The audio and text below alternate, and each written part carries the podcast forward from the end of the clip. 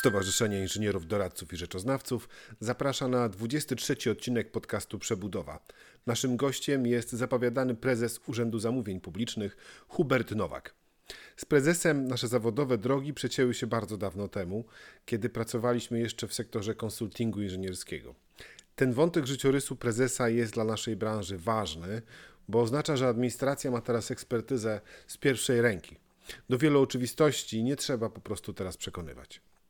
To jest nasz najdłuższy podcast, choć poruszyliśmy tylko część wątków, które na to zasługują. Ja nazywam się Rafał Bałdys-Rębowski i zapraszam do naszej rozmowy. Dziękujemy panie prezesie za, za przyjęcie zaproszenia do naszego podcastu. A pierwsze pytanie jest takie natury bardzo ogólnej, mm, ale też fundamentalnej, bo chciałem zapytać o um, politykę zakupową państwa. To jest coś, co zostało przyjęte dopiero niedawno w systemie zamówień publicznych, a do tej pory funkcjonowaliśmy bez tego mechanizmu, dokumentu. Do czego służy polityka zakupowa? Po co w ogóle jest w systemie? Dzień dobry Państwu. Myślę, że pozwala nam wszystkim użytkownikom rynku zamówień publicznych uzyskać informacje, E, co powinno być priorytetem, albo w jaki sposób powinniśmy postępować, dokonując zakupów publicznych. Myślę, że poza oczywiście tymi hasłami i zasadami, które wynikają czy z dyrektyw, czy wynikają z poszczególnych e, praw zamówień publicznych poszczególnych krajów, no jednak każdy kraj cechuje się pewną jakąś indywidualnością i dzięki polityce zakupowej można uzyskać ten właśnie dodatkowy efekt, a więc żeby pokazać, na co dany kraj zamierza postawić przy zamówieniach publicznych. Wszyscy wiemy, że zarówno dyrektywy, jak ustawa prawo zamówień publicznych wskazuje, że poza satysfakcjonującym zakupem, również te środki publiczne powinny służyć zabezpieczeniu czy przykładowo e, zrównoważonego rozwoju, czy e, dostępu do, do, do, do pewnych informacji itd., tak itd. Tak Tutaj polityka zakupowa w swojej jakby idei ma pomóc e, ukierunkować ten strumień zakupów i wskazać te kierunki, które dzięki którym będzie można uzyskać w cudzysłowie lewar na przyszłość. Tak? Okej, okay. czy chodzi nam o takie mechanizmy na przykład jak to, że w tym dokumencie określamy, wspieramy na przykład rozwój szkół zawodowych? Na przykład. Na przykład. Czyli realizujemy tu... jakąś politykę państwa poprzez system zakupów zamówień publicznych. Na przykład. Albo bardzo, bardzo myślę, że potrzebne rozwiązanie, które również zostało zadedykowane w nowym prawie zamówień publicznych, ale e, hasło e, w przypadku problemów kontraktowych staramy się je najpierw rozwiązać we własnym sosie. A więc nie angażujemy sądów, nie strzelamy do siebie z armat, staramy się o nich porozmawiać. O, to, to, to bardzo dobrze, że pan to powiedział. O tym oczywiście będę chciał z panem pomówić szerzej za chwilę. Natomiast rodzi się pytanie, co w takim razie przyjęcie polityki zakupowej państwa zmienia w optyce w postępowaniu samych zamawiających? Ja myślę, że to jest e, pytanie, pytanie jeszcze na za wcześnie postawione, mhm. ponieważ yy, tak jak wspomniałem, yy, polityka zakupowa jest pewną ideą, jest pewną ideą, która się pojawiła, zmaterializowała. Yy, myślę, że każdy z nas w swoim gospodarstwie domowym też ma ideę i w jaki sposób wydatkuje albo na co wydatkuje pieniądze, co chce uzyskać jak, jako efekt dodatkowy dzięki wydatkowaniu tych pieniędzy. Przy środkach publicznych, gdzie ten strumień jest powiedzmy 300 miliardów rocznie, tym bardziej, tym bardziej warto zadbać o, o to, żeby uzyskać ten, ten, ten zwrot na tych, na tych nakładach ale myślę, że jakby takie konkretne oceny, konkretne oceny E, czy, czy postawiono na właściwe kierunki, tak? czy, czy, czy, czy, czy, czy wybrano konkretne właściwe kierunki. Ja myślę, że, że z tym musimy poczekać, e, ponieważ e, polityka zakupowa jest dokumentem takim średniookresowym. To, to jest dokument na, na 4 lata. Aktualna polityka przewiduje jej ocenę po tym, po tym jak, jak ona zostanie wykonana.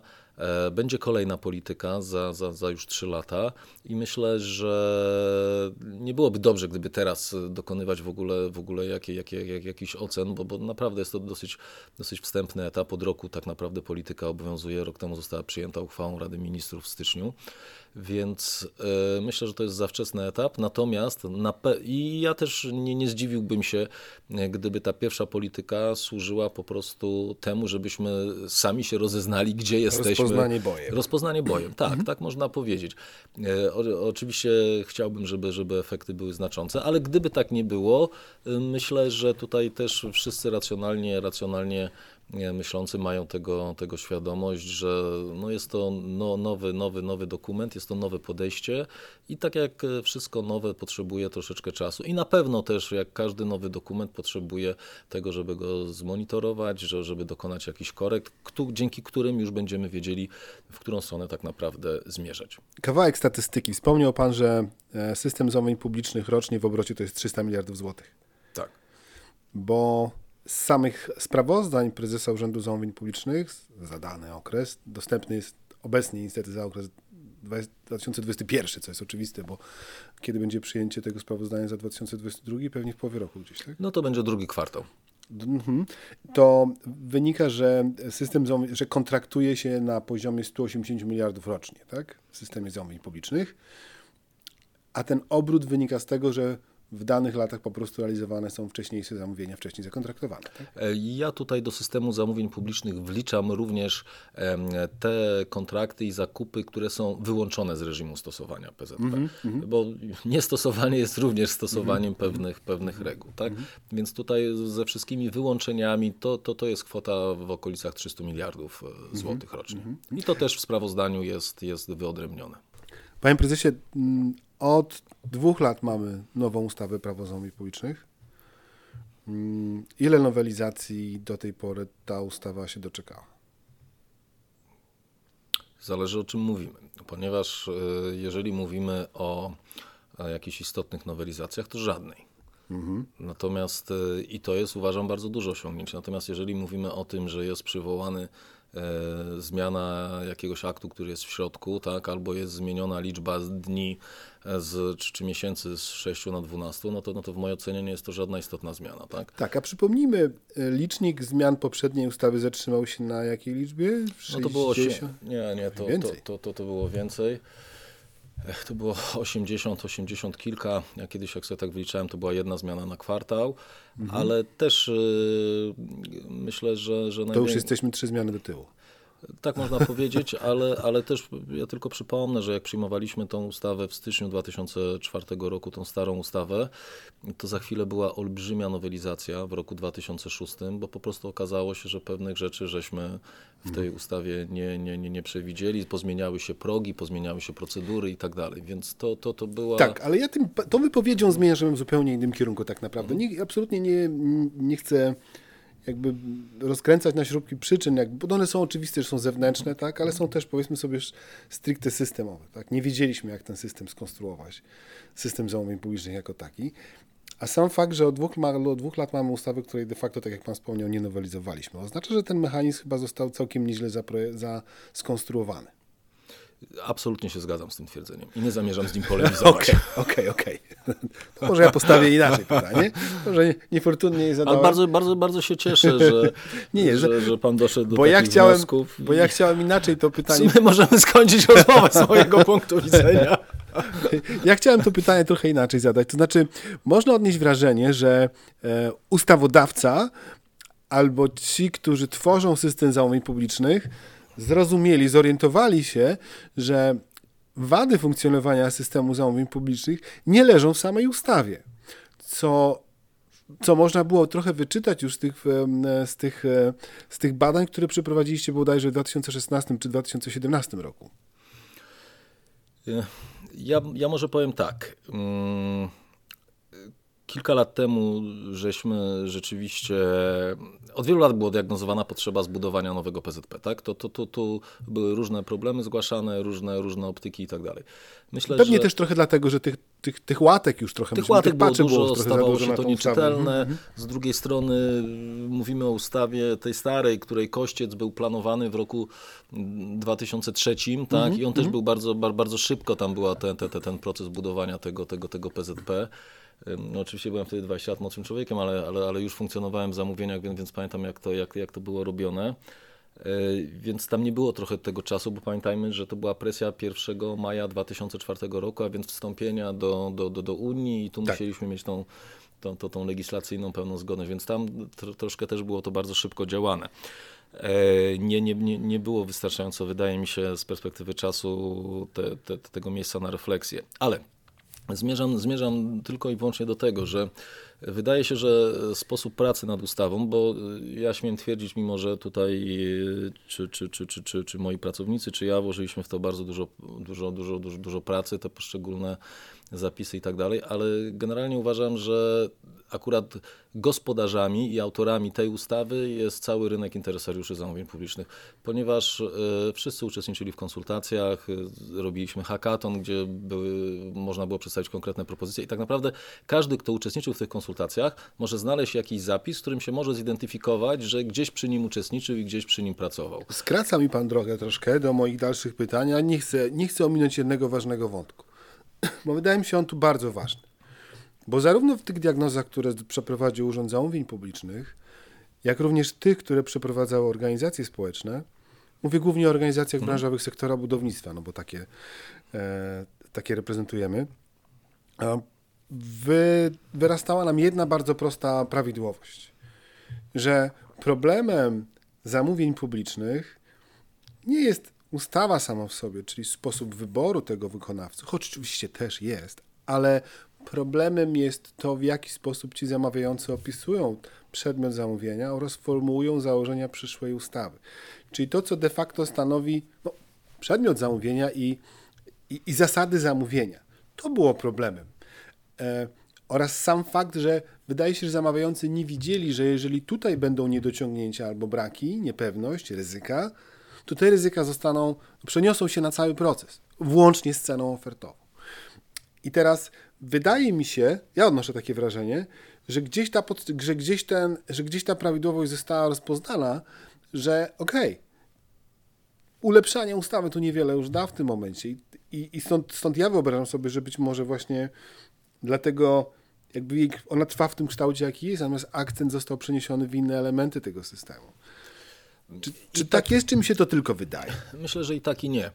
E, ja absolutnie zgadzam się z tym, że jeżeli chodzi o taki kościec funkcjonowania, ramy funkcjonowania PZP, no to boisko zostało już oznaczone, tak? Linie wykreślone, bramki postawione i tutaj nie ma za dużo przestrzeni. Możemy się zastanawiać, czy ten wolny będzie z 30 metra, czy z 37, ale, ale nic więcej się już tutaj, wydaje mi się, nie da, nie da zrobić. Możemy oczywiście, tak jak mówię, tu wydłużyć termin na wniesienie odwołania, skrócić termin. No to, to, to są już takie kosmetyki, które, które, które możemy dyskutować i, i są argumenty za i przeciw, tak? Więc e, tak to wygląda. Natomiast na pewno też jest tak, że pojawiło się bardzo wiele rozwiązań, których do tej, które były racjonalnymi rozwiązaniami, których możliwe, że można było stosować nawet nie mając tego PZP, ale ich nie stosowano. I mhm. przykładowo, no, bardziej otwarte podejście do, do, do wykonawcy, tak? bardziej y, tutaj z, jakby odformalizowanie tych wszystkich wymagań finansowych, tak? to, to, to jakby jedna rzecz. To można było robić. No, była druga też rzecz, przykładowo, że, że prowadzenie negocjacji po złożeniu oferty. Tego akurat nie można było robić bez mhm. zmiany, zmiany ustawowej, okay. a poniżej progów się to udało. E, otwarcie na takie konsyliacyjne podejście do, do, do realizacji. Tak wcześniej nie było w ogóle orientacji na, na, na, na, na wykonywanie, na wykonywanie umowy. Więc jakby te, te wszystkie zadania, one po prostu chyba musiały się historycznie zadziać i one się zadziały. I w momencie, gdy, gdy one się zadziały, e, wydaje mi się, że okazało się, że, że, że, to prawo wytrzymuje, tak? Że to prawo wytrzymuje, bo nie mieliśmy wcześniej takiej sytuacji, że przyszłaby pandemia, że były przerwane łańcuchy dostaw i tak dalej, i tak dalej. Oczywiście zdarzały się poszczególne kryzysy, gdzie, gdzie, gdzie prawo musiało sobie dać radę, ale tu się nagle okazało, że to prawo zamówień publicznych dało radę, tak? Ono jeszcze okazało się, że w powiązaniu z elektronizacją, która była równolegle wdrażana, tak? Bo my mówimy tutaj o, o PZP, tak? O, o tych ramach, ramach prawnych, ale równolegle z tymi ramami prawnymi zmieniła się cała filozofia stosowania PZP, bo weszliśmy w elektronizację, tak? Mhm. Czyli dwa olbrzymie procesy, które się zadziały w PZP. Tak. I e, elektronizacja, elektronizacja związana z danymi, z, z, z business intelligence i tak dalej, i tak dalej. Więc tu, tu, tu się naprawdę będą kolejne wielkie rzeczy działy, tak? E, mhm. Jeśli, jeśli chodzi o ten, o ten segment. I w każdym razie, nagle się okazało, że PZP w niczym nie zabrania. Przyszła pandemia, a PZP w niczym nie stoi na przeszkodzie. Można te, te, te postępowania prowadzić, można to otwierać zdalnie i tak dalej, i tak dalej, tak? A okazało się, że są jakieś problemy realizacyjne, e, można usiąść do rozmowy, można zmieniać kontrakty, moż, można, można się dogadywać. To też nie przyszło od razu. Nie, nie no, no, oczywiście no, ciężko, ciężko nagle od ściany do ściany się przesunąć. Tak, ja zresztą nie jestem zwolennikiem takiego przesuwania się Ale od ściany to się do nic ściany. tak, zapewniam pana, panie prezesie, nic takiego się nie dzieje. Od tej jednej ściany bardzo powoli dopiero odchodzimy. Bardzo powoli. Ja to rozumiem też, ale, ale czasem w różnych dyskusjach na temat prawa zamówień publicznych ja śmiem twierdzić, że my jesteśmy w okresie nastoletnim jej stosowania, tak? No bo mieliśmy rok 94, mhm. było jakieś pierwsze zachłyśnięcie, wiele rozmów, no pan, pan też pamięta w przeszłości, że, że piękne tak. jest to PZP, ale tu nas się nie przyjęło i tak dalej, i tak dalej. Natomiast wydaje mi się, że skończyły się dla nas jakieś tłumaczenia w stylu, że, że, że, że prawo zamówień publicznych na coś zabrania, czy, czy czegoś coś uniemożliwia. I tak naprawdę wchodzimy właśnie w ten okres nastoletni, czyli tak naprawdę fascynowania się możliwościami tego PZP i jak te wszystkie zapisy można wykorzystać po to, żeby właśnie uzyskać dobre zamówienie, fajne, innowacyjne. Więc myślę, że, że, że e, aktualne PZP pozwala na bardzo, bardzo wiele i, i tylko tak naprawdę nasza wyobraźnia, nas wyobraźnia i czas, tak? Bo pamiętajmy o tym, że no często jest ta funkcja, funkcja, funkcja czasu, nie? I, i, i, I to nas tak naprawdę tylko ogranicza, w jaki sposób podejdziemy do zamówień i jak będziemy je realizować. Panie prezesie, ale wróćmy trochę jeszcze historycznie do momentu, w którym, mm, w którym trwały prace nad ustawą. Wcześniejszy gość naszego podcastu, Darek Koba, wspomniał, że proces legislacyjny tej ustawy, która dzisiaj obowiązuje, był bardziej niż wzorowy, niemalże. Co jest, e, co jest istotną odmianą, jeśli weźmie się pod uwagę sposób pracy nad innymi aktami prawnymi. I teraz pytanie, czy, czy to przełożyło się na jakość samego? Trochę to Pan odpowiedział, że tak, ale wróćmy do tego procesu. Ja zdecydowanie uważam, że, że, że, ten proces był dobrze przeprowadzony.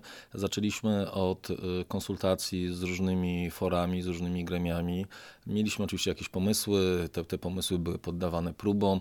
E, była wypracowana pierwsza wersja ustawy, ta wersja została poddana kolejnym próbom. Tam, tam mieliśmy 4000 e, pytań i uwag, zmian do, do, do tej ustawy. Przez wszystkie je przeszliśmy, robiliśmy konsultacje publiczne, zmierzaliśmy się z tymi problemami, wyjaśnialiśmy.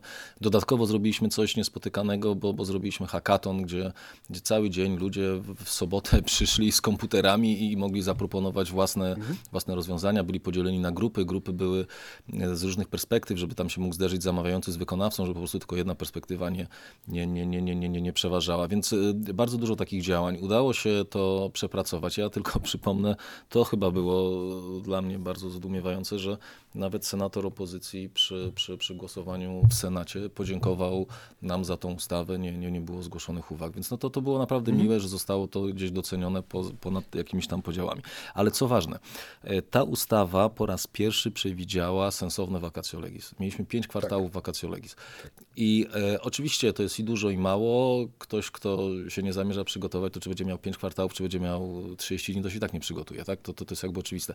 Natomiast wydaje mi się, że co ważne, urząd i ministerstwo nie zmarnowaliśmy tego czasu, ponieważ e, interesariusze rynku zamówień później zaczęli się przygotowywać, zaczęły do nas spływać różne pytania, zaczęły do nas e, spływać jakieś prośby o wyjaśnienia i tak dalej i my sami zobaczyliśmy, że jest jeszcze parę miejsc, które można ulepszyć, tak? czy, czy w procedurze podstawowej, która nie była, nie była warunkowana dyrektywami unijnymi i z mojego punktu widzenia bardzo się cieszyłem z tego, że udało się jeszcze w tym okresie vacatio legis w cudzysłowie podczyścić tą ustawę i, i, i wprowadzić te rzeczy, które po prostu interesariuszom ułatwiłyby działanie. I tam była taka nowelizacja, ona, ona była na, na, na dwa miesiące przed wejściem w mhm. życie w tego PZP. Więc z tego też się bardzo cieszyłem, że dzięki temu, że mieliśmy to długie vacatio legis, nie okazało się, że nagle po roku rzeczywiście pojawiły się rzeczy, które no nie były może istotne, ale były jak ten kamień w bucie, który po prostu przeszkadza i udało się ten kamień, kamień usunąć. I z tego też się bardzo cieszę, że tutaj była odwaga i ze strony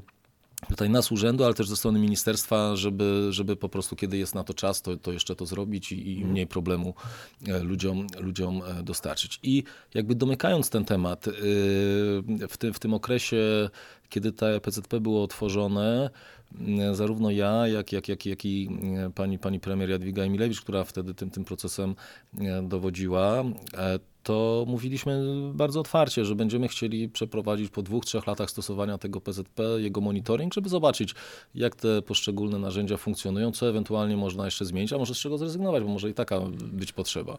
I to się zadzieje. Chciałoby się powiedzieć, żeby inne jednostki administracji publicznej, nie tylko rządowej, e, czerpały garściami z takiego podejścia, bo to jest problemem wielu instrumentów, które, którym posługuje się państwo, że po stworzeniu jakiegoś programu, systemu, narzędzia, po jakimś czasie nawet nie sprawdza się, jak on faktycznie funkcjonuje, więc oczywiście to jest jak najbardziej w naszej ocenie jako środowisk. Ja się cieszę. Jest, jest, to słuszne podejście, bo pozwala dokonać korekty, tak? W każdym razie mamy to już zaplanowane na drugą połowę bieżącego roku.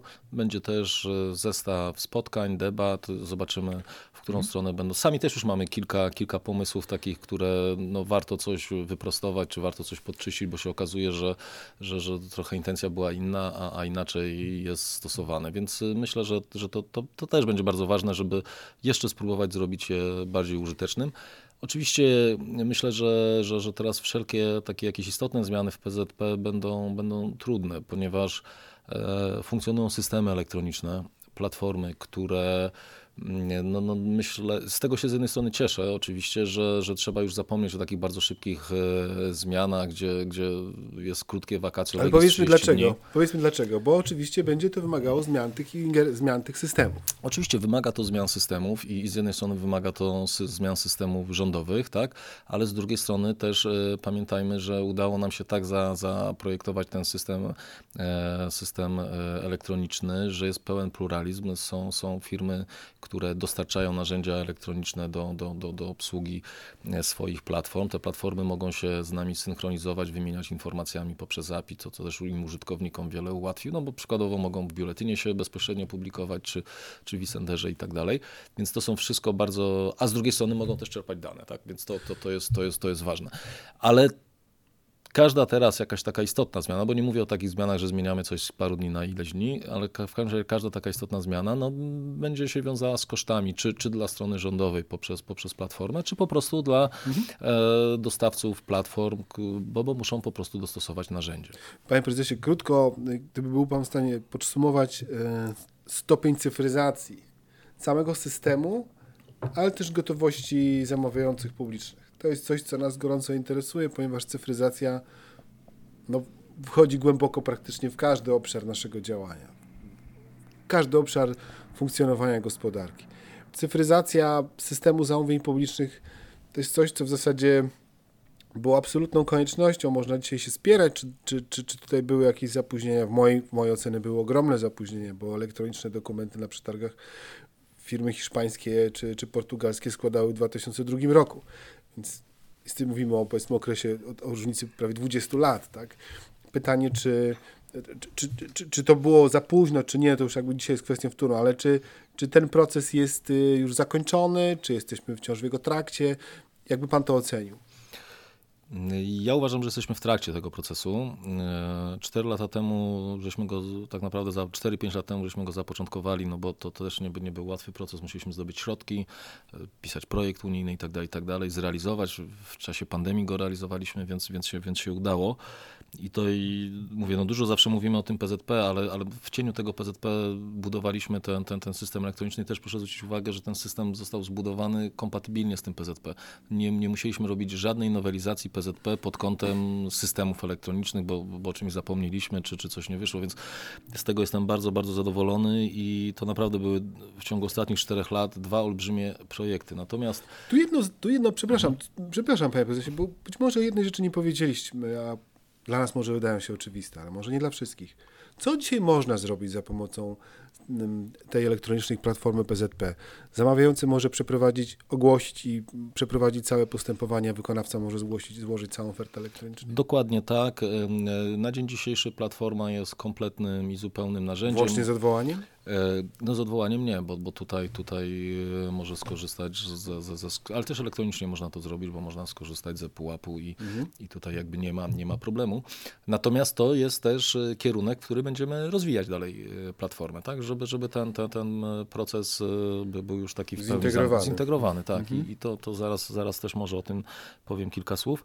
Natomiast na ten moment przeprowadzenie całego postępowania, od, poczynając od ogłoszeń, e, po, po, po, po dokumenty wewnętrzne, później po reużywalność danych, czyli przygotowanie na przykład formularza oferty, który wykonawcy sobie wypełnią i dane z tego formularza będą zasysane do kolejnych czynności, które będzie podejmował zamawiający, czyli przykładowo mam postępowanie e, powiedzmy w zakresie dostaw medycznych, jest kilkadziesiąt, jest kilkadziesiąt pakietów, w każdym pakiecie jest kilka, kilkanaście ofert, no teraz zrobienie takiej informacji do prezesa albo zrobienie ogłoszenia, no to, no to ktoś był przez cały dzień wyjęty z życia, żeby to, to, to, to wszystko spisać. Czyli innymi tu się słowy, zrobi automatycznie. Czyli innymi słowy, nie ma już dzisiaj zamawiającego w Polsce, który byłby w stanie przeprowadzić postępowanie bez dostępu do internetu, a bez zarejestrowania się w specjalnych systemach państwowych, e, no ale za to nie musi korzystać z faksu.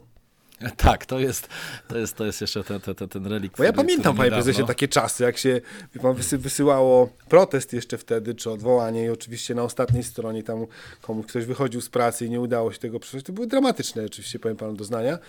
To już, rozumiem, że to już nigdy do nas nie wróci i nie ma nawet nie ma możliwości faktycznej takiego przeprowadzenia tego procesu. Tak, tak, tak się wydaje i za to trzymam kciuki, żeby to nie, nie wróciło bo, bo to byłaby jakaś negatywna sytuacja polityczna, gdyby tak się wydarzyło, w sensie jakiegoś konfliktu, po którym już byśmy tylko kamienie i, i patyki tak. mieli, więc e, jakby tego, tego, tego nam nie życzę. Natomiast ja myślę, że ta elektronizacja się rozwija, tak. E, nie chciałbym jakby odpowiadać za przeszłość, bo, bo, bo, bo ja tu jestem kilka lat i, i uważam, że bilans jest całkiem pozytywny, to znaczy i PZP przeprowadziliśmy i tą elektronizację zrobiliśmy, więc mówię, no nie chciałbym odpowiadać za to, co, co było przed, bo to już tam nie, nie, nie mój temat i nie moje zagadnienie. Natomiast y, wydaje mi się, że z elektronizacją jest tak, że ona się będzie rozwijać. Tak? I, Ale co więcej można zrobić? Więc y, no właśnie, y, co, co my planujemy? No, my planujemy generalnie położyć teraz nacisk na taką większą elektronizację KIO. Czyli pracujemy teraz nad protokołem elektronicznym i w KIO, żeby, żeby był ten protokół, żeby były nagrania i w tym roku, mówię, nie chcę się zobowiązać, czy to będzie maj, czy to będzie czerwiec, bo, bo jesteśmy w trakcie tych prac. Mm -hmm. Czasem jestem bardziej optymistycznie nastawiony, czasem jestem trochę mniej optymistycznie nastawiony, ale na pewno to będzie, będzie w tym roku, więc na, na, na, na połowie sal będzie już ten, ten, ten elektroniczny protokół, będzie nagrywanie i tak dalej. E, to, to, to jest jedna rzecz. Druga rzecz, którą będziemy chcieli zrobić, to, to, to, to, to będziemy chcieli zrobić zdalne rozprawy. Tak? Oczywiście zdalne rozprawy wymagają również, mówię, to, to, to, to są dziesiątki problemów, bo, bo, bo przykładowo... No i techniczne też. Techniczne, bo trzeba zmieniać rozporządzenia, jak udostępniać mhm, teraz protokół i tak dalej, więc to, to, to, to są jakby y, hasło ładnie brzmi, ale tak, rozbierając tak, to tak, na, tak. na atomy trochę się schodzi. Nie chcielibyśmy mieć mala mecenasa, który jest gdzieś tam w oddali, którego w ogóle nie słychać i co chwilę się zawiesza na przykład. No właśnie, żeby, żeby to gdzieś przeszkadzało, ale w każdym razie na pewno też to będzie, tak jak wspomniałem o tym, że, że będzie ten monitoring i przegląd PZP, to, to, to jeden z tematów, który będę chciał ulokować, to, to, to właśnie elektroniczne zdalne rozprawy, tak? Że, mhm. że, żeby to uregulować. Myślę, że to, to, to chyba nie będzie Nie będzie sprzeciwu dla nikogo, to będzie tak. bardzo Kierunek... pożądane. Oczywiście taka rozprawa ma szereg, że tak powiem, no chcę powiedzieć wad, no innych cech po prostu, tak? No. Tak, ale no myślę, że ja, ja nie mówię, że to musi być przymus, tak? Ale, ale możemy mhm. zrobić hybrydowo, tak? Że, że, że, że z decyzji prezesa na przykład KIO, tak? Czy, czy składu orzekającego, to, to może być albo taka, albo taka mhm. rozprawa mhm. i, i tutaj na, na, na początek, tak? Bo, bo ja też, tak jak mówię, no nie chcę, nie chcę nigdy, nie lubię rzeczy zmieniać tak od ściany do ściany, tak? Bardziej wolę ewolucję stopniowo mhm. i, i tutaj da, da, danie tych możliwości. Ale na pewno to, to, to, to jest ten kierunek, który, który, w który, w który będziemy chcieli dążyć. No i myślę, kolejny kierunek, który jest bardzo ważny, to, to są dane, tak? Ponieważ y, no, mamy tą platformę Co pan zamówień. na myśli dane? Dane. Y, no, system zamówień publicznych, jak sobie wspomnieliśmy, to, to, to jest około 300 miliardów złotych rocznie. To jest około, myślę, że, że, że w roku 2022 to, to, to będzie około 160 tysięcy udzielonych zamówień, czyli 160 tysięcy umów. W poprzednich latach było to mniej, e, więc jest to bardzo, bardzo, bardzo znacząca ilość. I e, dzięki temu, że mamy teraz tą platformę zamówień, gdzie możemy uzyskiwać różne dane i w zależności oczywiście od nasycenia tymi, tymi danymi można, można, można się nad nimi bardziej lub mniej zastanawiać, ale można wyciągać pewne wnioski. Tak? Można sobie zacząć sprawdzać przykładowo, czy zamawiającemu bardziej się opłaca wszcząć postępowanie w styczniu czy, czy, czy w marcu, tak? kiedy ma ciekawsze oferty. Albo przykładowo e, wykonawca to samo może zrobić, kiedy mu się bardziej opłaca, w których województwach mu się bardziej opłaca i tak dalej, i tak dalej. No to, to, to, to są analizy, które... Czyli pan prezes dostrzega potencjał w danych, które dzięki temu, że będą, będą obecne w systemie, to nałożenia na to takiej, nie chcę powiedzieć, czapki, ale nałożenie na takiego modułu Business Intelligence, tak. który pozwoli wam jako urzędowi, ale nie tylko chyba wam jako urzędowi, ale generalnie państwu, gospodarce pozwoli mhm. na to, żeby mm, no bo tu oczywiście fantazja już szybko galopuje, że wystarczy na, na te dane być może włączyć jakieś mechanizmy sztucznej inteligencji, żeby szukać jakichś prawidłowości, tak jak Pan mówi, żeby podpowiadać, jak efektywniej mm, planować zamówienia, może planować y, nie tyle zamówienia, ale typy zamówień, tak, na przykład. Nie wiem. Absolutnie tak. No, to, to, to jest cała teoria zarządzania, tak, że, że, że ciężko czymś zarządzać, jak się nie mierzy. Myślę, że stoimy właśnie u progu tej sytuacji, że mamy szansę mierzyć ten system zamówień publicznych w czasie takim mniej więcej rzeczywistym. Jeszcze zwróćmy uwagę na to, że to, to, to miałem taką małą ideę fix, że zawsze o zamówieniach publicznych wiedzieliśmy, z kim podpisano umowę na jaką kwotę, ale nigdy nie wiedzieliśmy, na ile to zostało rzeczywiście wykonane. Tak? Na przykład. A teraz w PZP mamy domknięcie tego systemu. Mamy ogłoszenie o wykonaniu umowy. No ale to trzeba będzie poczekać jeszcze z rok przynajmniej. W porządku, ale, ale kiedyś ale trzeba było to zrobić. Kiedyś trzeba było to zacząć. No? Gdybyśmy tego tak, nie zaczęli tak. 4 lata temu, to dzisiaj byśmy dyskutowali, że może warto to zrobić. A gdybyśmy tak? za, zajęli się, zebrali się za to 15 lat temu, to dzisiaj mielibyśmy potężną bazę danych. No tak, ale to, to tak jak ja powiedziałem, no ja... ja to jest uwaga ogólna, tak? Wykształcenie mam, które się wiąże z historią, ale po to, po to, żeby wyciągać wnioski na przyszłość. I jak, no, mówię, no nie, Skoro nie już pan o tym wspomniał, to myślę, że wiele osób to zainteresuje. Wykształcenie jest pan historykiem? Nie, nie, nie. Mówię, związane, bo, bo jestem prawnikiem, a, a na prawie tej historii jest dużo okay. historia doktryn. Cieszę się, że sobie to tak. wyjaśniliśmy. Nie, nie, nie. Więc, więc i jakby wielu, wielu prawników gdzieś zaczyna swoją taką przygodę w latach młodzieńczych od fascynacji historią, więc to to jest jakby oczywiste.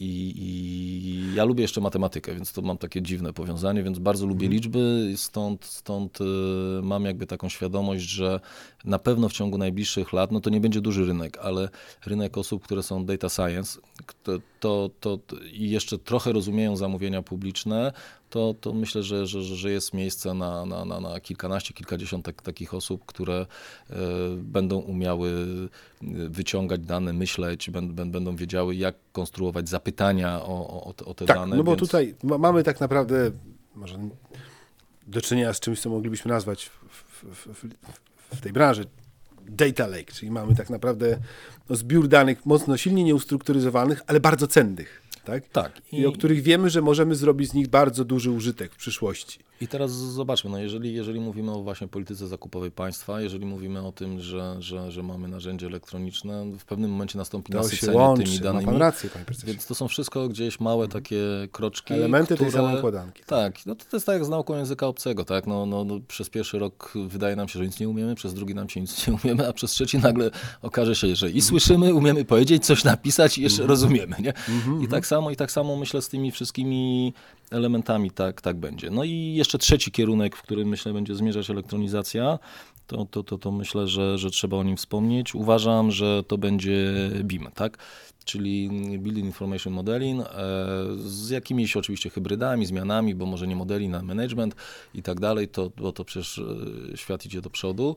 E, ale uważam, że jest u nas przestrzeń. Mamy już też dużą część praktyków, którzy czy, czy, czy, czy tutaj wdrażają w Polsce, czy, czy korzystali z tego narzędzia za granicą. Przecież jest duża liczba projektantów, architektów, czy w ogóle użytkowników, którzy, którzy tutaj funkcjonują, budują te, te, te modele dla dla inwestycji zagranicznych i myślę, że to też jest e, część, już kilka inwestycji publicznych jest nawet e, prowadzona z użyciem, e, z użyciem tego CEPEK ma być, ma być w tym modelu poprowadzony, więc myślę, że to CEPEK są... właśnie kupił sobie spółkę do budowania.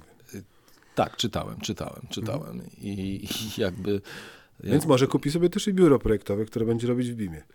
Plotki zostawmy. A może ta firma ma swój departament ma, albo ma, dział, oczywiście, który... Że ma, oczywiście, że ma. Oczywiście, że ma. Oczywiście, że ma.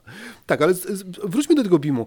Ja nie ukrywam, że nie podzielam pańskiego entuzjazmu, ale nie dlatego, że się z nim nie zgadzam. W sensie ja nie widzę innego wyjścia. Tak? W sensie jakby mhm. mm, nie ma tu wyjścia dla sektora budownictwa bądź jakiegokolwiek innego sektora mm, produkcyjnego, który coś fizycznie projektuje. Tak, ale ja, ja pamiętam takie badania, które właśnie sektor, sektor budowlany przedstawiał, to są badania PMI e, sprzed dwóch i trzech lat, gdzie były kierunki rozwoju właśnie branży budowlanej i jakby to są takie wyniki, które tam były uzyskane, utwierdziły mnie w tym przekonaniu, że to jest właściwy kierunek, bo e, rozwój tej branży wiąże się właśnie z rozwojem BIM-u. Okazało się, że już 10% firm budowlanych co najmniej słyszało o BIM-ie. Ileś tam procent się... tak. Ale to, to, mówię, to były badania sprzed dwóch, trzech lat, tak, które, które mam przed oczami, e, więc to już jest e, jakiś tam odsetek. Część już działa, część upatruje rozwój swojej firmy właśnie poprzez BIM albo przez inne procesy, mhm. tak, no jak tam automatyzację, jak e, ten, używanie już, już gotowych półproduktów i tak dalej. Nie? Więc to, to, to, są, to są takie kierunki, które no jeżeli one już są w obiegu, jeżeli już menadżerowie y, robią jakieś forecasty w tym kierunku, no to, no to, to mhm. znaczy, że to, to już funkcjonuje. Tak? Nie ulega wątpliwości, że wszelkie narzędzia, które pozwolą dostarczyć na etapie postępowania więcej informacji przyszłemu wykonawcy, no wpływają na polepszenie samego tego całego tego procesu. To jest raz, ale z drugiej strony też dla firm wykonawczych, bo y, jest, jest to duży plus. No, ja tutaj dla pracowników urzędu, no bo często mówiliśmy bim, bim, bim, tak? No i, i czasem no jest takie powiedzenie bim, birim, bim, tak? E, więc no przepraszam, że, że, że, że w tak poważnej audycji, no ale, ale, ale, ale mówię, no urzędnicy czasem y, no, no słyszą bim, nie wiedzą co, tak? Ale wykonawcy tak samo. I Wielu projektantów ma tak samo też. Kiedyś, kiedyś poprosiliśmy jedną, jedną z firm, która działa w BIM-ie i tutaj zrobiła taką naprawdę całodniową prezentację, pokazała zastosowanie BIM-u na obiektach liniowych, pokazała na, na, na, na wodociągach, pokazała, na, pokazała przepust, jak jest budowany przykładowo przepust, jak go później I można wtedy wszyscy zrobili tą niagarę.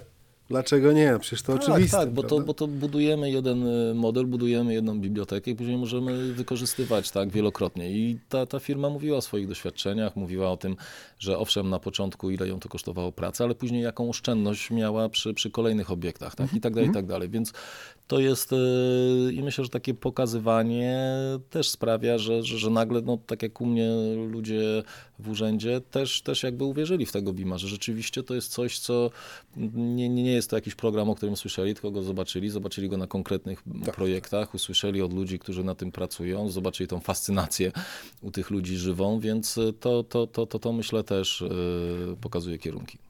Hmm.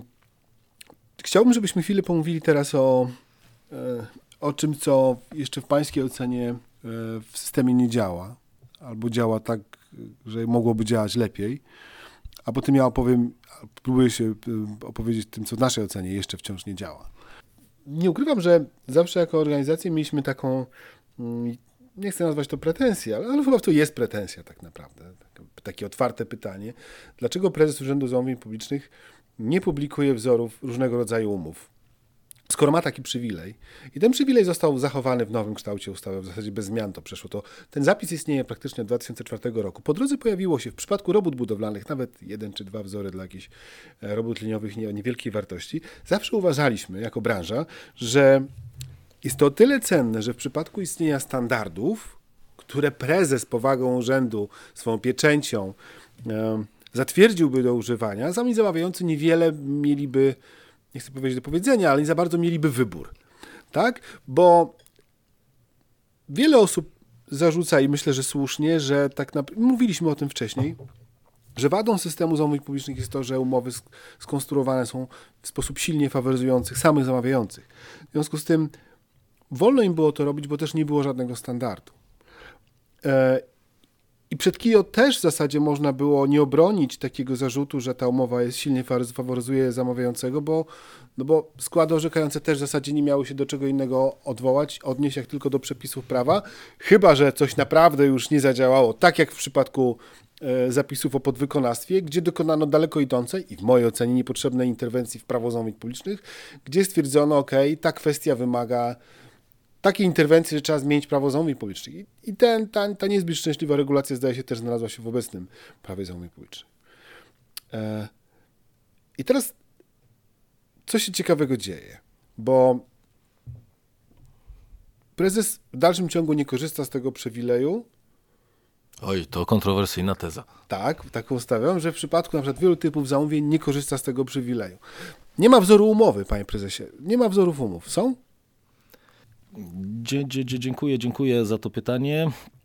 Mm, ja myślę, że tak, tak, tak, tak jak wspomniałem, e, ważne jest, e, żeby, żeby zacząć od początku, tak? Czy, czy, czyli priorytetem było jednak zbudowanie takiej silnej struktury, czyli po prostu danie legislacji właściwej.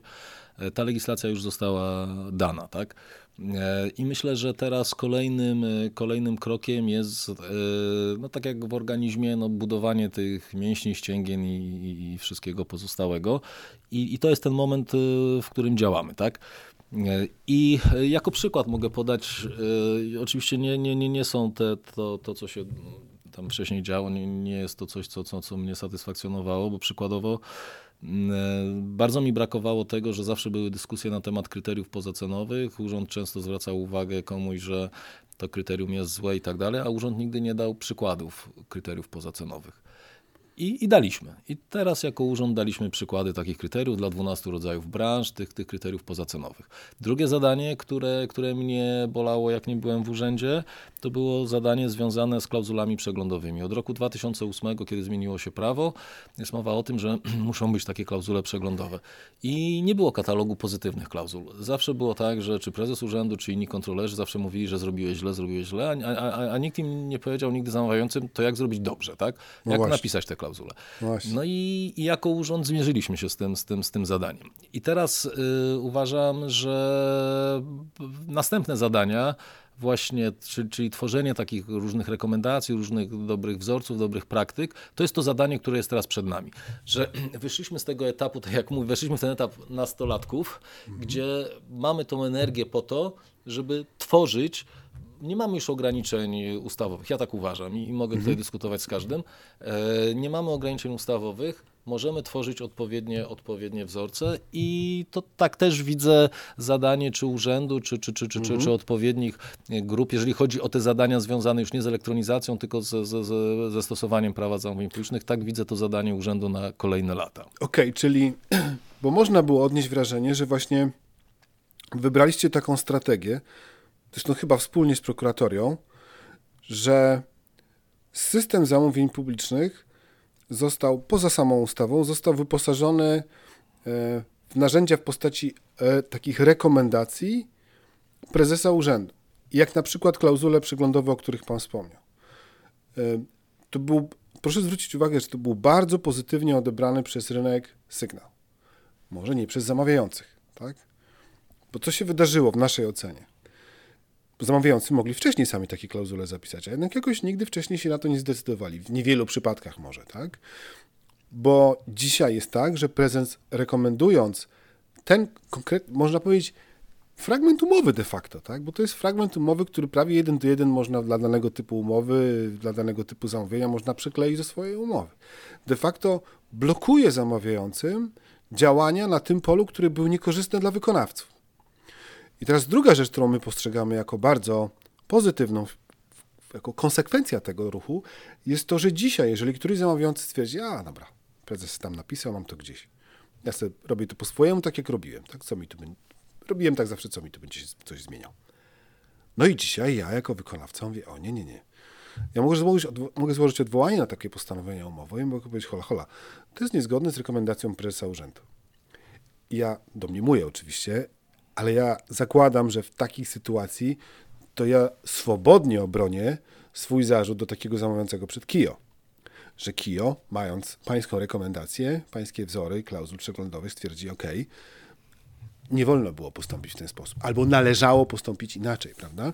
To jest ogromny le lewar, to jest, to jest ogromne, bardzo silne narzędzie w rękach samych e, wykonawców, bo de facto zmieniło sposób działania ustawy. I teraz mam taką stawiam tezę. Nie wiem, czy się pan ze mną zgodzi. Nie wiem, czy to za dużo powiedziane, ale wydaje mi się, że e, gdybym ja na przykład miał oceniać, czy branża, reprezentując, reprezentując branżę, mielibyśmy oceniać, to wydaje się, że to jest może nie chcę powiedzieć, może nawet lepszy kierunek niż ten, który, ten przywilej drukowania czy też publikowania wzorów, bo w zasadzie środowiska czy wykonawcy zarzucają zamawiającym właściwie kilka takich obszarów, których, których te ryzyka na, na, na wykonawcę były przerzucane, a to był jeden z nich. E, dziękuję, dziękuję. To... to nie był komplement jakoś specjalnie. Ale ja tak odebrałem, okay. więc dlatego dziękuję. Okay. Nie, e, generalnie wychodzimy, wychodzimy z takiego założenia, że to rynek najlepiej wie o danym zagadnieniu, tak?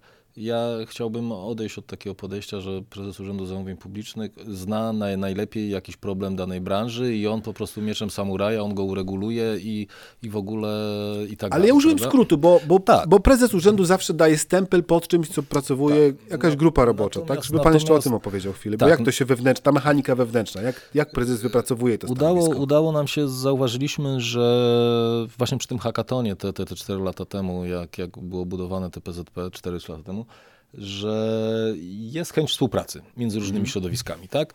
I mimo, że wiadomo jest polaryzacja interesów w zamówieniach publicznych, ale generalnie i zamawiający słucha wykonawców, wykonawcy słuchają zamawiającego i tak dalej.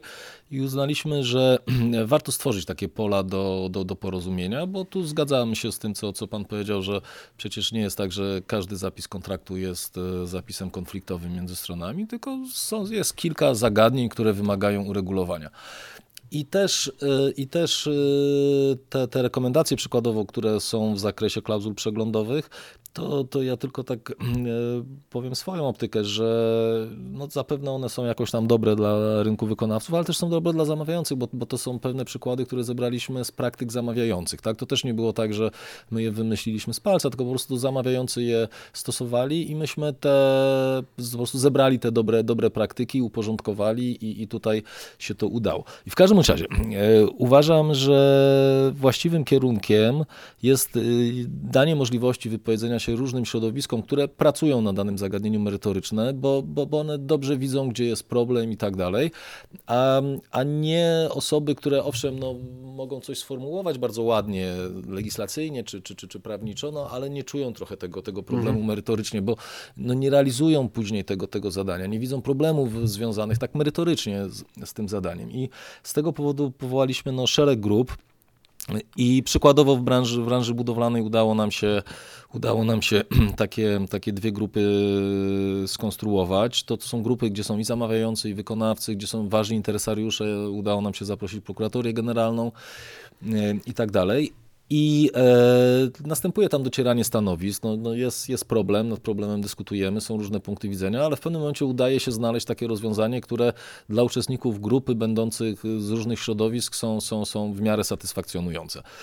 E, I takie dwie grupy, no to jedna właśnie była od tych klauzul przeglądowych, druga była od, od klauzul waloryzacyjnych, e, od, od przykładowych klauzul waloryzacyjnych i tutaj udało się to z satysfakcją zrobić. Ale na jednym z pierwszych spotkań inicjujących, bo ja tutaj zrobiłem takie otwarte zaproszenie i zawsze tak robimy, że z jednej strony wysyłamy do organizacji branżowych, zamawiających i wykonawców, bo one najwięcej wiedzą, zapewniają też obiektywizm, bo, bo, bo nie faworyzują jednego jakiegoś podmiotu, e, ale oprócz tego też prowadzimy otwarty nabór e, i, i tutaj każdy zainteresowany może się zgłosić, więc e, tutaj taki nabór zrobiliśmy, jeżeli chodzi o branżę budowlaną i dyskutowaliśmy, różne zagadnienia poruszaliśmy. Na przykład jednym z poruszonych zagadnień było, czy jest sens zbudowania takiego zamkniętego kontraktu od A do Z, kontraktu budowlanego. I uczestnicy spotkania e, i zamawiający, i wykonawcy, i przedstawiciele doktryny, bo tam mieliśmy i, i, i, i, był, i, i byli profesorowie, powiedzieli, że z ich punktu widzenia jest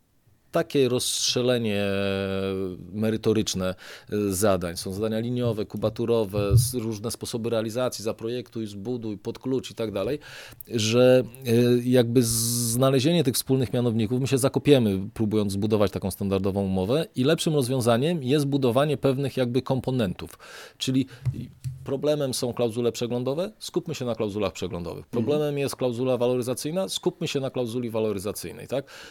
Później możliwe, że się pojawi inny problem, który warto uregulować, nie wiem, strzelam, bo, bo to mhm. nie było to dyskutowane, broń Boże, i tylko, tylko strzelam na potrzeby, zapis standardowej klauzuli dotyczącej podwykonawców. Tak? No, na przykładowo, nie?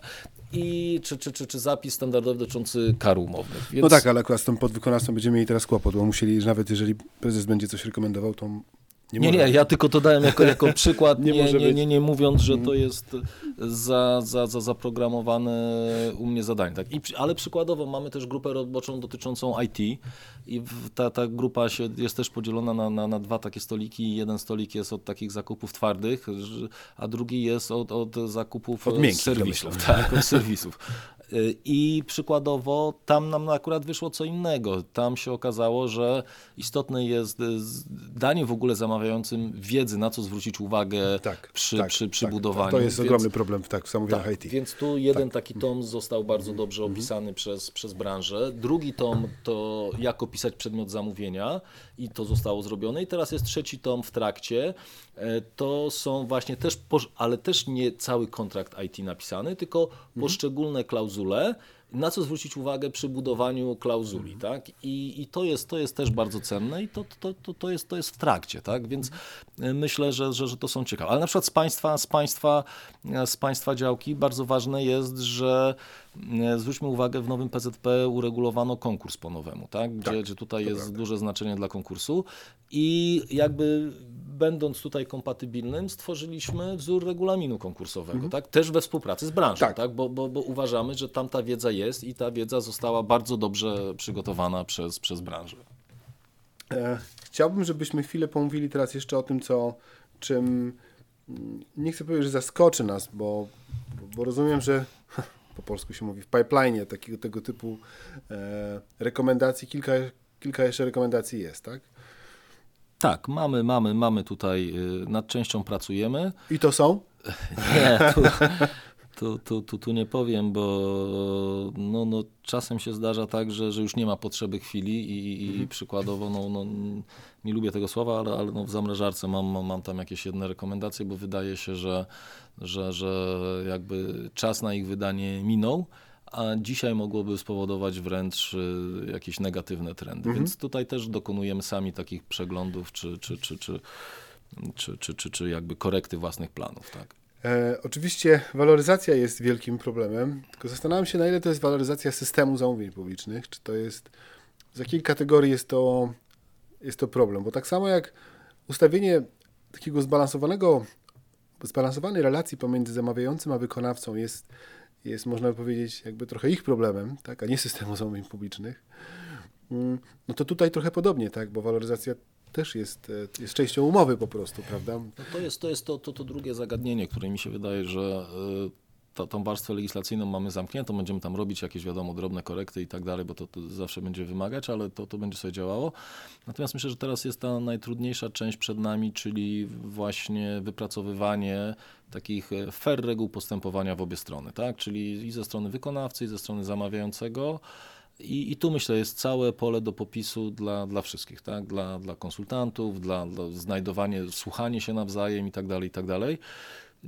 I też y, no ja śmiem twierdzić, y, może się pomylę, obym się może pomylił, ale wydaje mi się, że też powoli wchodzimy, wchodzimy może, oczywiście nie we wszystkich branżach, ale, ale w wielu branżach to zamawiający będzie musiał konkurować o wykonawcę.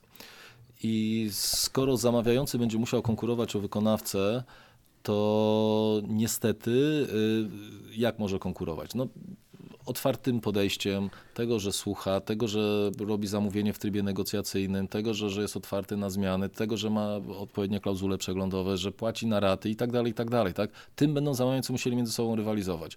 I... Mhm. Skoro tu już jesteśmy, panie mhm. prezesie, przepraszam, że przerywam, ale z, z wniosków i rekomendacji ostatniego raportu prezesa jest, płyną takie wnioski, że faktycznie tych ofert na usługi i, i dostawy, na usługi i dostawy to faktycznie jest najmniej, bo to jest 2,5%, e, tak? Przepraszam, Nie, 2,5%, to 2,5% to jest e, no tak, ilość ale, ofert ale, na postępowanie. lata temu było 2. 2 Zgoda? Więc, yy, ja rozumiem, że Pan będzie patrzył na to z punktu widzenia dynamiki tego procesu. To jest ważne, tak? To jest ważne. No ja tak muszę. Jest... Okay. Ja tak muszę. To... Jednak jest to podniesienie o, Ale... o, o pół oferty, czyli o 25%. Dobrze, możemy, możemy więc pokazać, że jesteśmy w trakcie z, y, dobrego trendu słusznego trendu. Ale myślę. Ale ja nie jestem tak optymistyczny mimo wszystko jak pan. Dlaczego? Bo powiem, mhm. e, zwróćmy uwagę, i ja. E, mm, to jest modne powiedzenie, chcemy więcej ofert i tak dalej, i tak dalej, tak? E, to jest bardzo chwytliwe, ale ja się zastanawiam, czy my nie doszliśmy do, do sufitu. Dlaczego się nad tym zastanawiam? E, w ostatnim roku, w roku 2022, będziemy mieli w okolicach 160 tysięcy podpisanych umów. W poprzednich mhm. latach mieliśmy podpisywanych umów w okolicach 135 tysięcy. Mhm. Czyli liczba umów się zwiększyła czy zmniejszyła? Tak, mogła się, mogła ulec zwiększaniu. Tak. Mogła ulec zwiększeniu. A liczba firm się zwiększyła czy zmniejszyła? Liczba mocy przerobowych firm. Została konstans albo się lekko zmniejszyła. To jest przypuszczenie, ale możemy je przyjąć. No nie, no mamy więcej mieszkańców niż mieliśmy? No dobrze, ale podmiot, no musielibyśmy zbadać, ile firm przybyło na rynku, ile z A, No właśnie, no właśnie. I to, ale mówię, mhm. pracujemy na grubych liczbach, tak? E, nie, nie ma zastrzyku nowych firm w ogóle, więc siłą rzeczy nie ma dużego zastrzyku nowych firm do systemu zamówień publicznych. Skoro zwiększyła nam się ze 130 tysięcy na 160-170 tysięcy, czyli zwiększyło nam się o przeszło 20% liczba zamówień, to zapewne średnia ofert na te zamówienia musi się zmniejszyć, mm. musi się spłaszczyć. Tak, dlaczego? Bo we wszystkich badaniach, które są, są prowadzone, no, wykonawcy stawiają na co? Na life balance i tak dalej. Czyli jeżeli mamy, nie mamy większej liczby firm, a mamy większą liczbę zamówień, to raczej średnia ofert na zamówienie będzie mniejsza. Po drugie, nakłada się to z life balansem. My się znamy sprzed, można już powiedzieć, prawie kilkudziesięciu lat, tak? 20 powiedzmy niestety. Tak. tak. I 20 lat temu pracowaliśmy inaczej, tak? Pracowaliśmy w weekendy, pracowaliśmy nocami, pracowaliśmy rankami i tak dalej, i tak dalej. W samochodach, tak, tak, tak było, tak? E, Dzisiaj spotykamy się z tym i ja, ja nie oceniam tego kierunku, mhm. tak? ale spotykamy się, jest life balance, tak? jest, jest, jest, ten magiczny zwrot. Tak? Ludzie nie chcą. Mi wystarczy tyle. Tak? Mi wystarczy, jak ja wezmę jeden kontrakt, ja nie potrzebuję dwóch kontraktów, nie potrzebuję trzech. Wystarczy mi jeden, wystarczą mi dwa. I teraz mm, już abstrahuję od innych mechanizmów, tak? że, że nie wiem, rynek prywatny jest bardziej korzystny i tak dalej. Ale jeżeli my nie mamy większej liczby firm, tak? jeżeli do tego nakładają się jeszcze cała problematyka life balansu, no to trudno oczekiwać, że nagle z dwóch i pół ofert ja będę miał trzy, trzy i pół, cztery. Zwracam na to uwagę, nie twierdzę, że tak jest, ale pokazuję mhm. też, też inny, inny punkt widzenia, że może się okazać, że możemy wkładać nie wiadomo ile pracy w to, w to magiczne hasło, zwiększyć liczbę firm, zwiększyć liczbę firm, podczas gdy możliwe, że ten przedział między 2,5 a 3 to jest maksimum, co mhm. możemy dzisiaj w realiach gospodarczych uzyskać. Oczywiście nasza optyka z punktu widzenia powiedzmy sobie wykonawców czy też usługodawców w obszarze budownictwa jest taka, że z Państwa nam... widzenia to lepiej, żeby mniej było.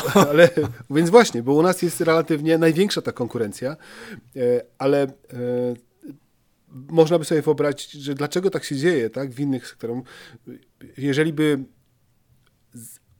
poprawić warunki jakby uczestnictwa w takim postępowaniu, czy na przykład, nie wiem, zrównoważyć umowy, to być może więcej wykonawców byłoby chętnych do tego, żeby wziąć udział w takim postępowaniu. Ale akurat już w przypadku zamówień na budownictwo to się nie sprawdza, tak? No tak, ale Bo... z drugiej strony, no jeżeli, jeżeli ja mam moce przerobowe, żeby równolegle robić trzy kontrakty, i nie mam widoków na to, bo nie zwiększę liczby zatrudnionych, y, nie mam już y, koszty, żeby ludzie pracowali po godzinach są dla mnie już za duże, a poza tym ludzie nie chcą, to ja obojętnie na il, czy złożę tych ofert 20 czy 30, podpiszę trzy kontrakty. Mhm.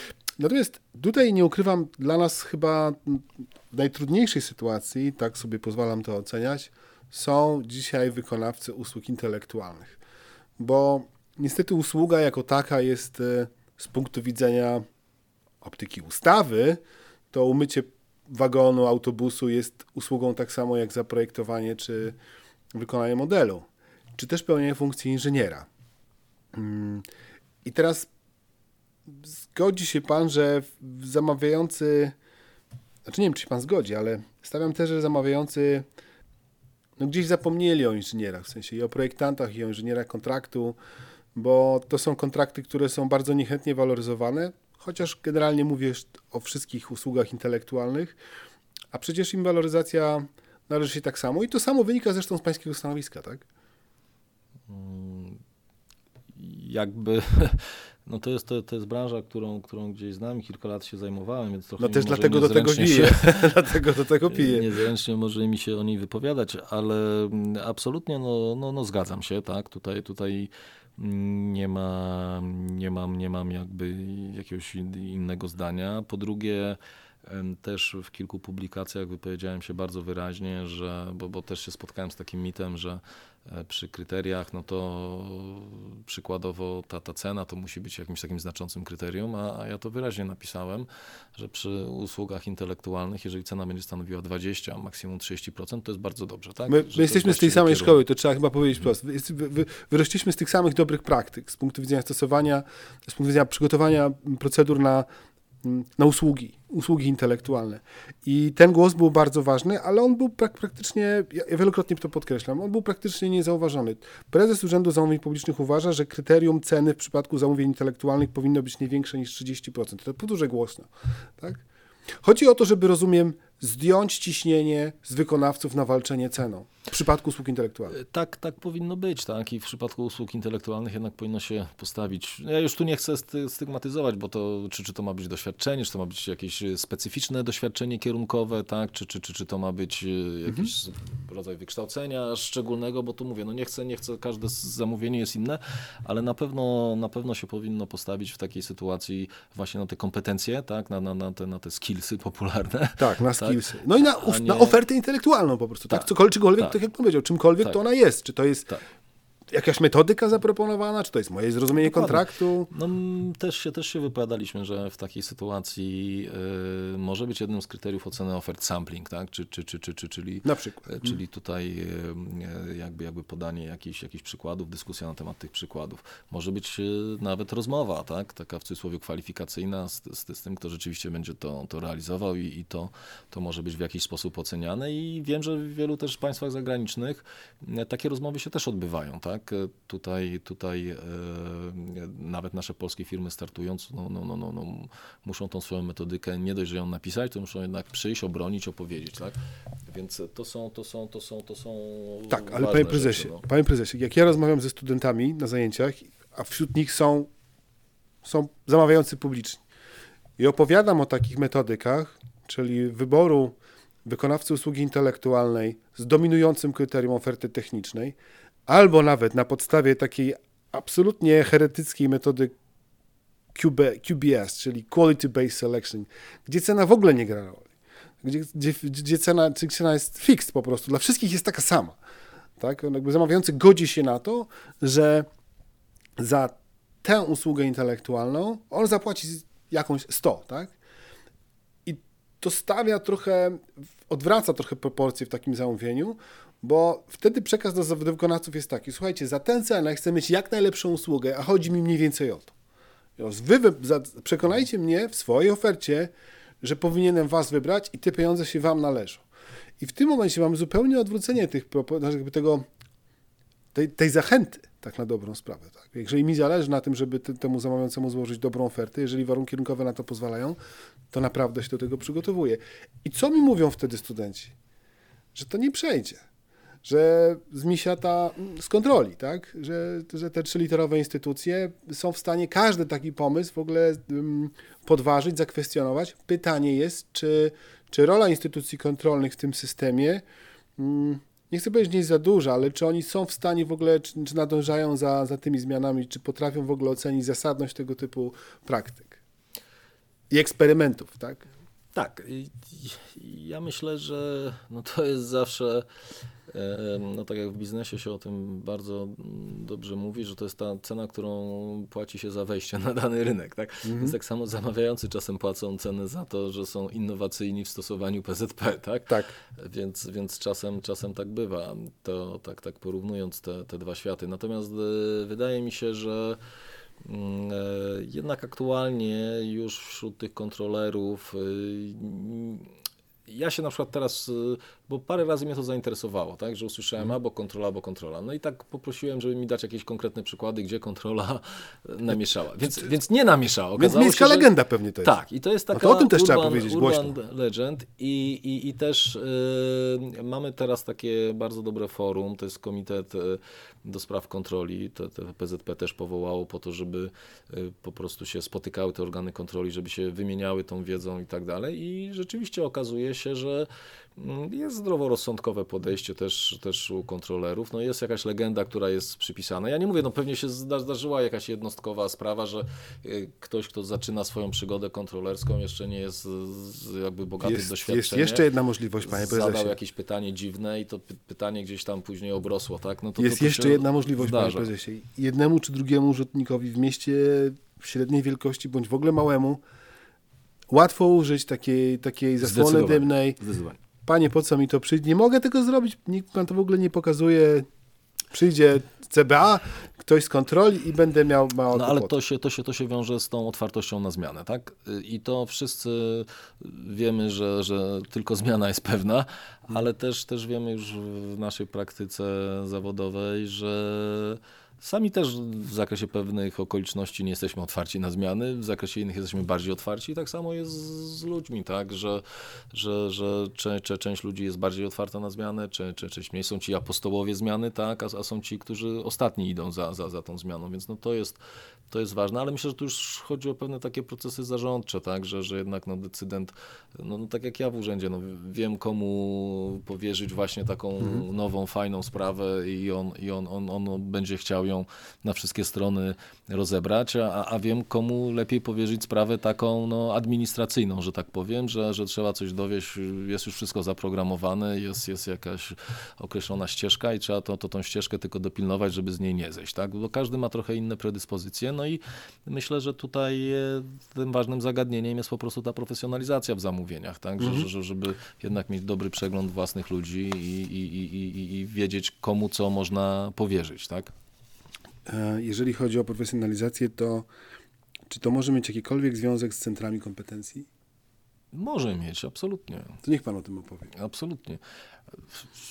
No ja mogę mówić tylko na temat y, jakichś hipotetycznych tak, e, sytuacji, ale oczywiście, że może być tak, że mogą być czy, czy, czy, czy, czy, czy zaprojektowane centralne takie centra e, kompetencji, czy mogą być lokalne, czy, czy, czy mogą być dziedzinowe i tak dalej, i tak dalej, tak, e, które no, będą się dzielić tymi kwestiami merytorycznymi związanymi z, ze, ze stosowaniem poszczególnych rozwiązań. Tak? No, tutaj absolutnie należałoby je zidentyfikować, nale, należałoby je w jakiś sposób ustrukturyzować i tak dalej. No na ten temat też trochę się wypowiada polityka zakupowa, która, która była przygotowana przez Ministerstwo Rozwoju, tak, i, i tutaj, a natomiast myślę, że to jest jeszcze, jeszcze, jeszcze wczesny etap, bo, bo brakuje nam po prostu tej, tej masy, tak, no, żeby mm -hmm. zrobić rzeźbę, trzeba najpierw tą, mieć tą masę, nie? Tak, tak. Więc, więc brakuje nam tej ilości, brakuje nam e, tego, żebyśmy mogli porównać te doświadczenia, tak, zobaczyć, e, czy to się bardziej opłaca, policzyć to po prostu, tak, czy, czy, czy bardziej się opłaca mieć takie centrum, które będzie wyspecjalizowane i będzie się zajmowało poszczególnymi za, za, za, za zagadnieniami, tak, przeprowadzi je od A do Z, nie wiem, zrobi świetny opis przedmiotu zamówienia i tak dalej, i tak dalej, czy, czy, czy, czy później pomoże w realizacji, bo opis przedmiotu zamówienia swoją drogą, tak, ale kluczem jest później cała realizacja, tak? bo, bo nam, nam nie zależy na tym, żeby przeprowadzić super, nie zależy nam tylko oczywiście, żeby przeprowadzić super wzorcowe postępowanie, a, a, a w realizacji otrzymać coś wręcz odwrotnego. Tak?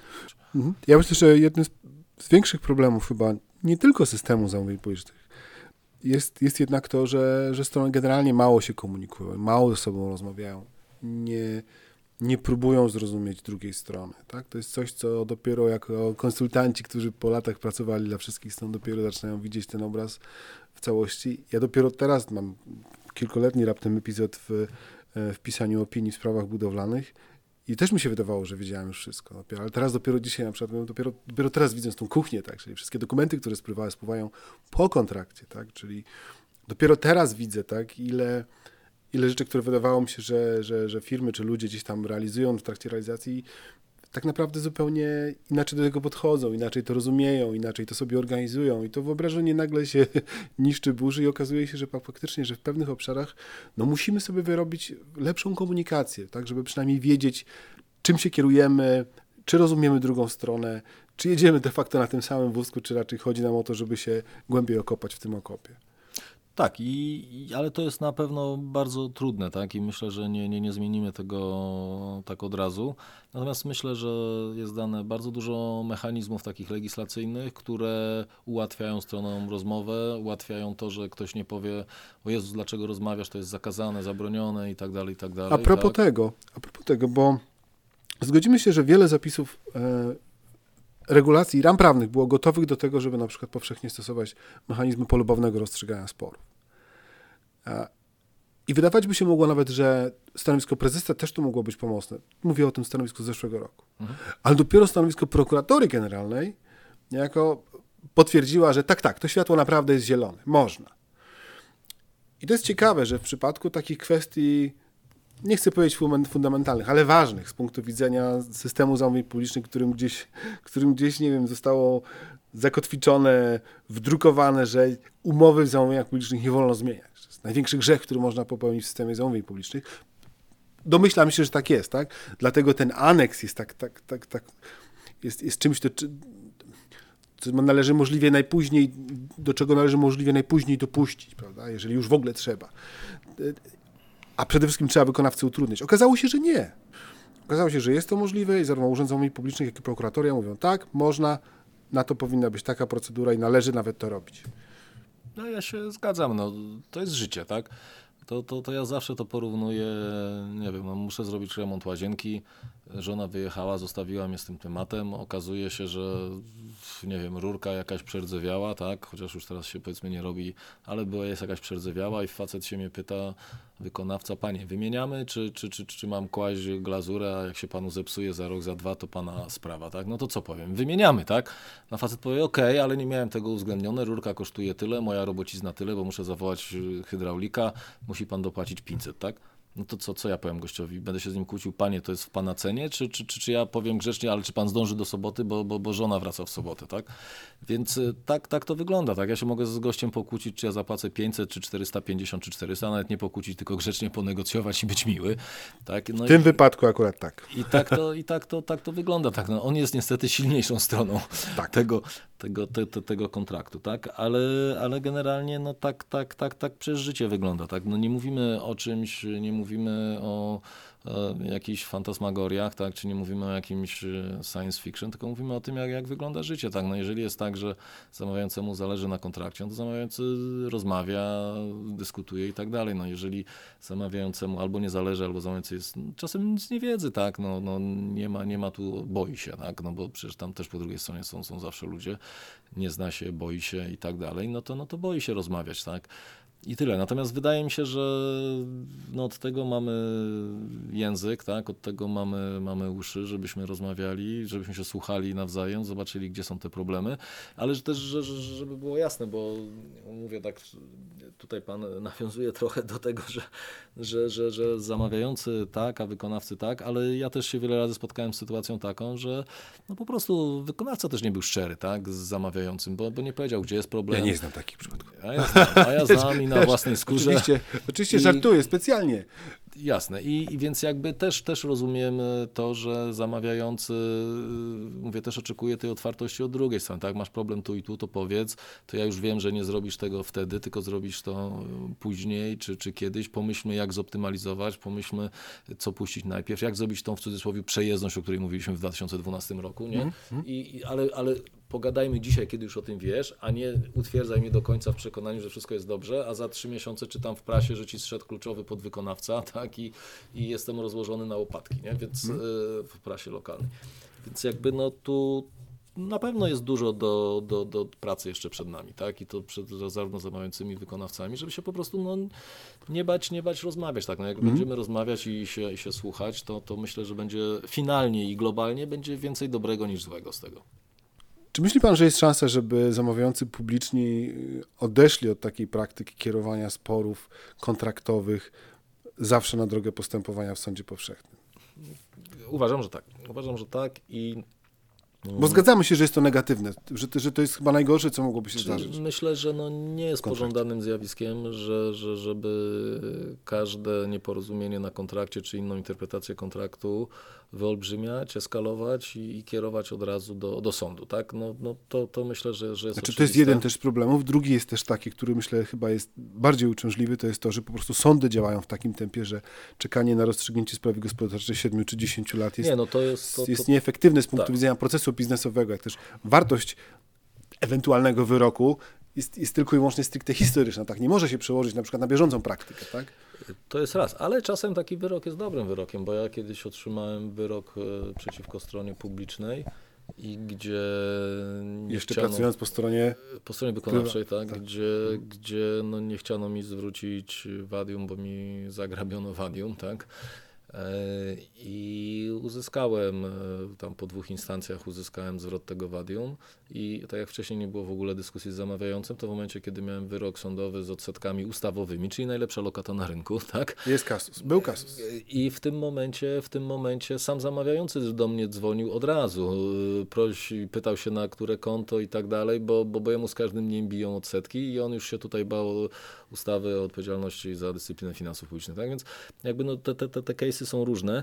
Natomiast yy, no, ja uważam, że dużo więcej dobrego jest jednak jak się. Ja nie mówię, że każda sprawa się uda porozumieć, tak? bo czasem no, stanowiska stron są po prostu nierealne. Tak? No, coś, jest na, coś jest faktycznie w stanie, a, a stanowisko jednej strony jest, jest, jest strasznie nierealne. Tak? Więc no, tutaj, tutaj, tutaj się wtedy nie da porozumieć i no, i no i tyle. No i to jest miejsce, gdzie, gdzie ten sąd powinien to rozstrzygnąć, tak? No ale na pewno jest dużo sytuacji takich, gdzie można się dogadać, gdzie można się porozumieć i myślę zarówno aktualna ustawa o finansach publicznych zmieniona kilka lat temu, ten artykuł 52, Tak, bardzo ważne. jak i, jak i, jak i procedury, które tutaj i, i, i podejście prokuratorii generalnej, która pokazuje, że jak najbardziej można, należy się dogadywać i tak dalej.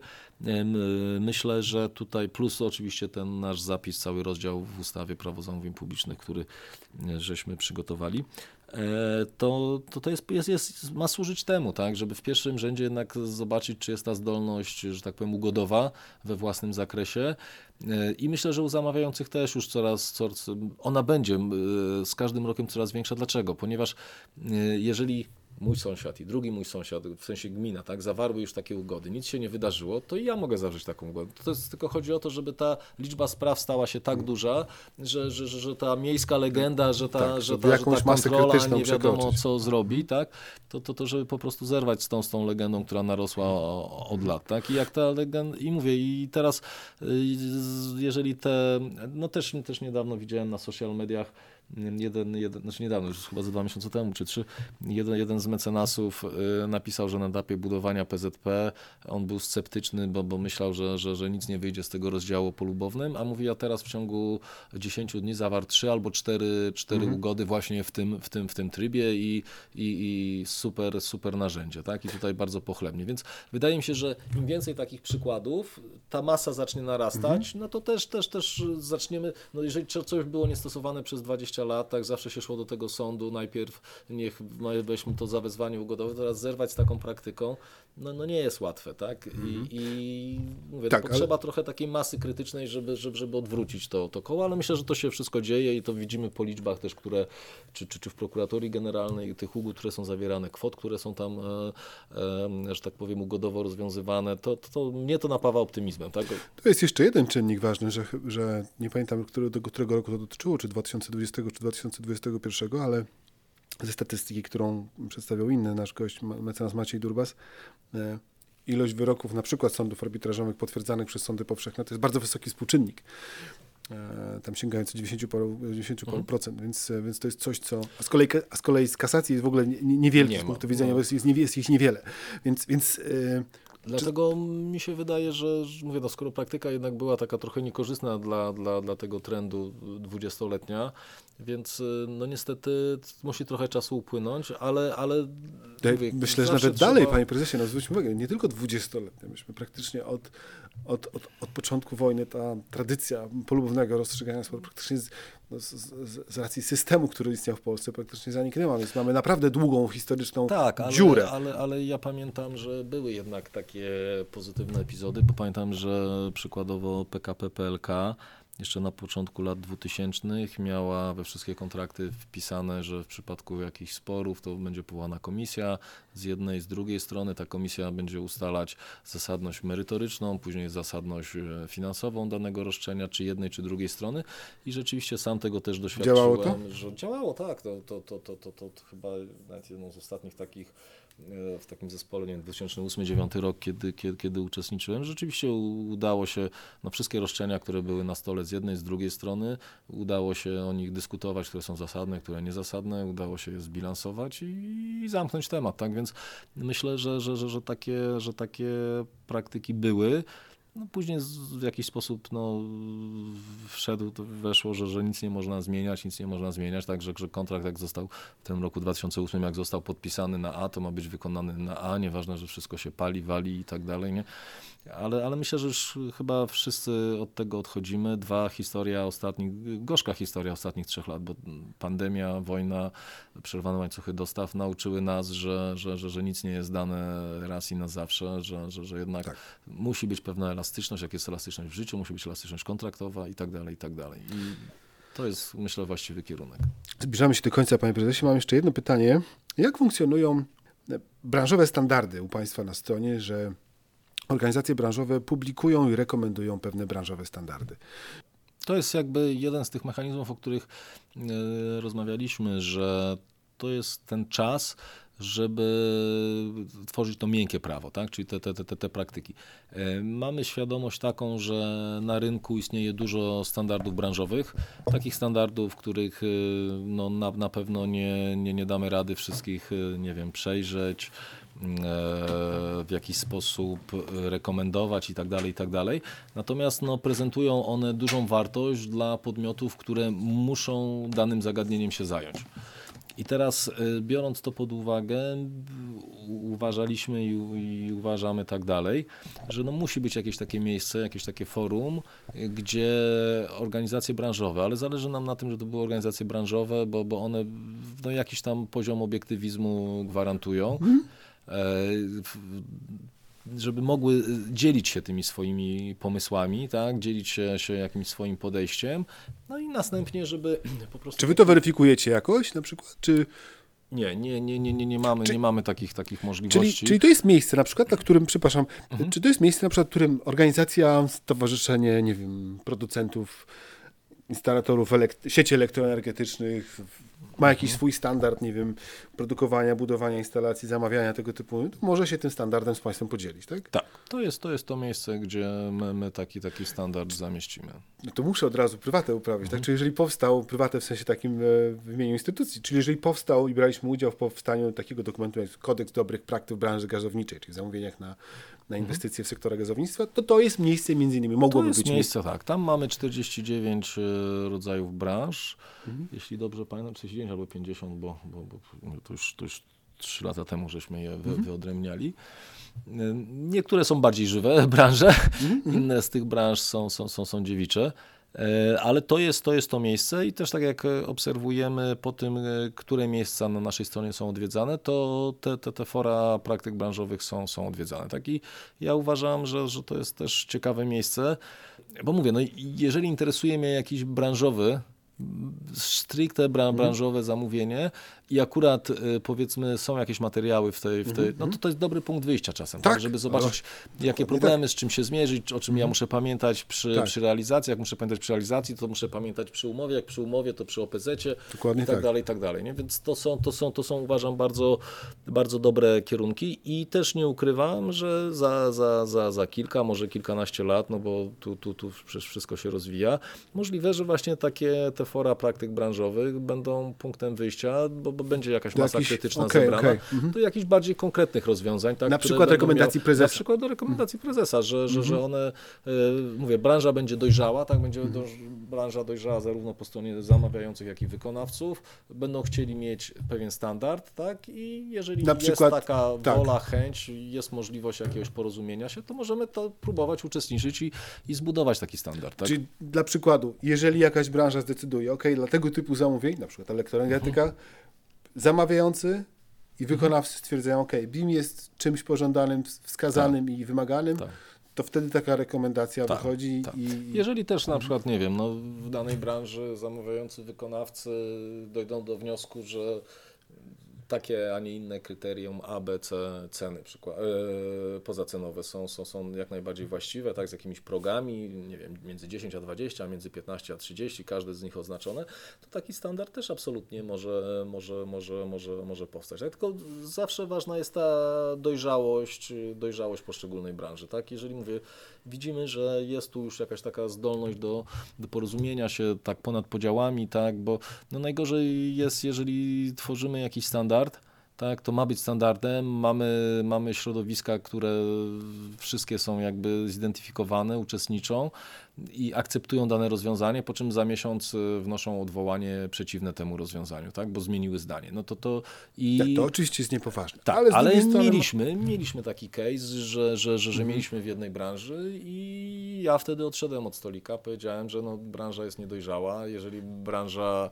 że tak powiem, y, nie będzie tak. dojrzeje, to domkniemy. Panie prezesie, to niestety jest takie ryzyko czasami, że faktycznie, że czasami nawet jak organizacja jest w pewnym sensie reprezentatywna albo mówi w imieniu branży, zawsze może znaleźć się ktoś, kto nie jest zrzeszony w tej organizacji, albo w ogóle sektora. Jasne, to są, to są ktoś nowy, to, to to, to, o, to, o, wydarzyć, o tak? to nie mamy pretensji, tak? Ale najgorzej, jeżeli organizacja, która, która uczestniczy, tak, y, i to ta organizacja, jej organy mówią, to nie, to my, to my, to my się jednak wycofujemy, mimo że na przykład dane rozwiązanie było Mhm, nawet y, z jej inspiracji kierunkowo rozwiązane, tak? Ale później zmienia zdanie, więc y, jakby no tutaj, tutaj to nie są dobre rozwiązania, ale dzięki temu no my też jako no, no w cudzysłowie ten organizator rynku zamówień publicznych, no, no też zbieramy to doświadczenie i też widzimy, że, że, że nic nie jest albo białe, albo czarne, tak? no, że, że, jednak poruszamy się cały czas gdzieś e, pomiędzy. Panie prezesie, dziękuję za tą, za tą rozmowę. W komentarzach na pewno dostaniemy dużo uwag e, o wątki, o które nie dopytaliśmy. Jeżeli będzie taka możliwość, to po prostu zgłosimy się drugi raz, żeby je przedyskutować. Będzie mi bardzo przyjemnie. Dziękuję panie prezesie. Do usłyszenia. Dziękuję pięknie, do usłyszenia. Dziękuję Państwu.